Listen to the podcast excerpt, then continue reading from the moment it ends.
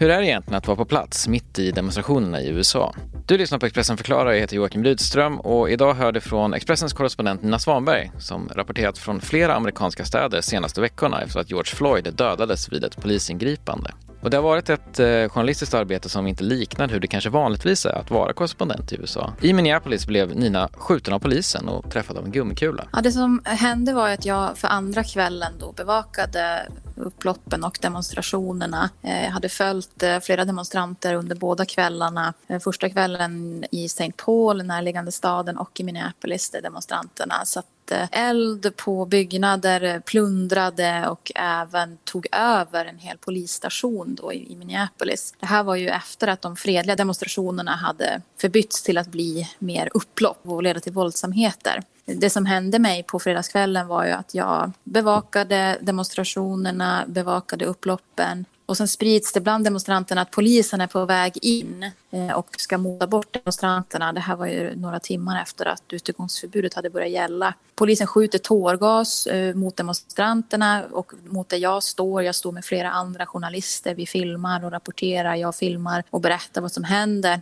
och eh, ser ju då tårgasburkarna eh, här, det ryker från tårgasen och jag känner hur det smäller till i benet och smärtar till rejält. Eh, jag inser att jag är träffad men jag förstår inte riktigt då vad det är jag har blivit träffad av. Så jag försöker krypa undan där och ta skydd bakom en bil ungefär. Och jag var ju med en kollega där då från VG som frågade är du träffad? Och jag säger bara att ja, jo, det känner i benet. Och sen tar vi vår tillflykt till en, till en gränd där då en säkerhetskille från ett annat eh, mediateam konstaterar att jag blivit träffad av en gummikula. Sen fortsätter vi att jobba och intervjua folk och sådär. Men det var ju oroligt där på platsen då. Eh, att polisen fortsatte att skjuta tårgas i närheten av där vi stod. Vad, vad trodde du det var först som hände? Alltså, trodde du att det, var, var, det känns osannolikt att bli skjuten av polis på något sätt? Ja, det var en overklig känsla.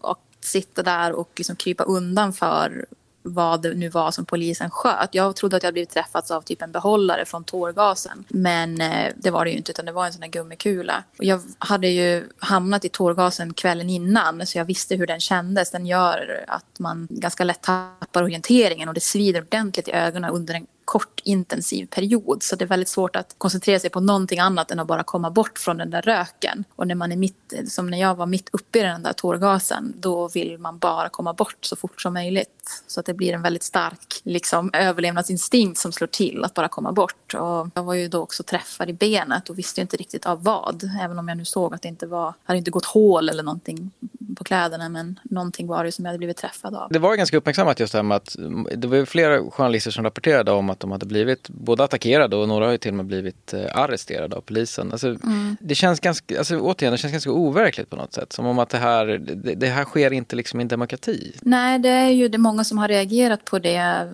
Vår egen kulturchef Karin Olsson har ju skrivit en krönika just om hur det här är någonting man inte inte riktigt förväntar sig hända i USA, kanske snarare då i ett land som Turkiet. Men det, vi var många Många journalister som skadades och besköts på det här sättet eh, bland annat en kollega eh, från ett amerikanskt medium som berättade om hur han satt i en bil och skulle försöka ta sig i det här området och då blev hans bil beskjuten med gummikulor så att hela framrutan sprack och han fick glassplitter över hela sig. En eh, fotograf som fick en gummikula i ögat så att hon har förlorat synen nu på ett öga. Andra journalister som blir beskjutna med gummikulor mitt i sändning. Och sen också då CNNs team som, som greps i sändning. Nu har du rapporterat från protester från flera håll, bland annat även då New York där du bor. Eh, jag funderar, har intensiteten eller tonläget i protesterna förändrats något eh, sedan de kom igång? De första protesterna de har ju pågått nu i snart två veckor. I början handlade ju demonstrationerna mycket om att få rättvisa som man då skanderade i de här demonstrationstågen. Just att det dröjde ju ett par dagar innan eh, den polisman som stod med sitt knä mot George Floyds nacke ställdes till svars. Och misstänktes. Och det var det som demonstrationerna till en början handlade om. Att man först var upprörd över att det här hade hänt men också att man ville att att polismännen skulle ställas till svars. Eh, Derek Chauvin, den konstapel som då ses på den här videon med sitt knä mot George Floyds hals misstänks ju nu för bland annat vållande till annans död och dråp. Eh, och nu har ju också de tre andra poliskonstaplarna har en misstanke mot sig och det var ju det som har varit kravet hela tiden. Nu har demonstrationernas krav ändrats eh, efter att rubriceringarna här har, har stärkts och ändrats. Och nu handlar det ju snarare om hur polisen runt om i USA ska och ska få agera. Vi har ju sett hur man i Minneapolis till exempel har tagit beslut om att eh, förändra hur eh, resurserna till polisen. Att man menar att eh, polisen kan inte få lika mycket resurser. Istället så bör det vara andra eh, instanser i samhället som ska hjälpa människor. Och det är det som det står på många skyltar även här i New York. Just att defund the police, alltså att ta bort de här stora summorna till polisen och lägga resurserna på annat. Man menar att de som lever i de här utsatta områdena, de som är utsatta för polisens brutalitet, de är rädda för polisen. De menar att det är inte de som polisen är till för. De behöver andra typer av insatser än de som polisen kan ge. När du är ute i demonstrationstågen, vilka personer du möter där? Demonstranterna är ju verkligen inte en homogen massa. Det finns väldigt många olika eh, grupperingar, politiska åskådningar. Det är både demokrater, republikaner, folk som röstar på Trump eller är emot Trump. Det gemensamma här är ju att man vill sätta ljuset på eh, de orättvisor som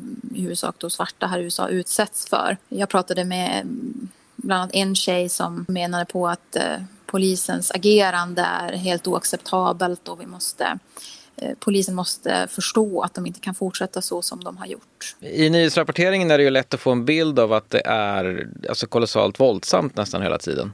Det är ju så det blir i sådana här lägen.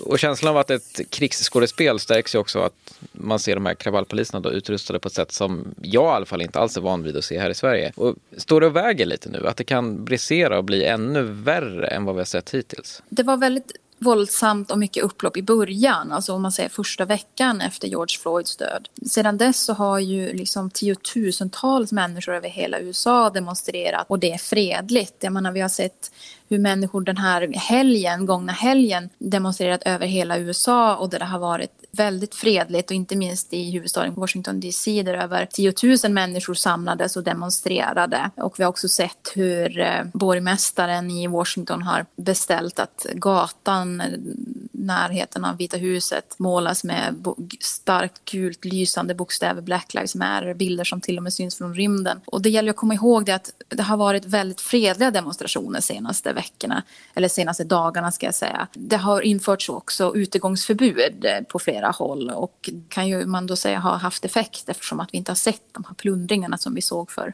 som vi såg framförallt i förra veckan i både New York och Minneapolis. Men eh, vad, tror du? Vad, vad, händer nu? Det finns ju inga tendenser till att demonstrationerna avtar utan snarare tvärtom. Nu i veckan så hålls det begravning. Eh, George Floyds kropp kommer visas. Det kommer vara en, eh, en viewing som det heter, en, en offentlig visning av honom och Joe Biden ska träffa George Floyds familj och protesterna lär fortsätta med allra största sannolikhet.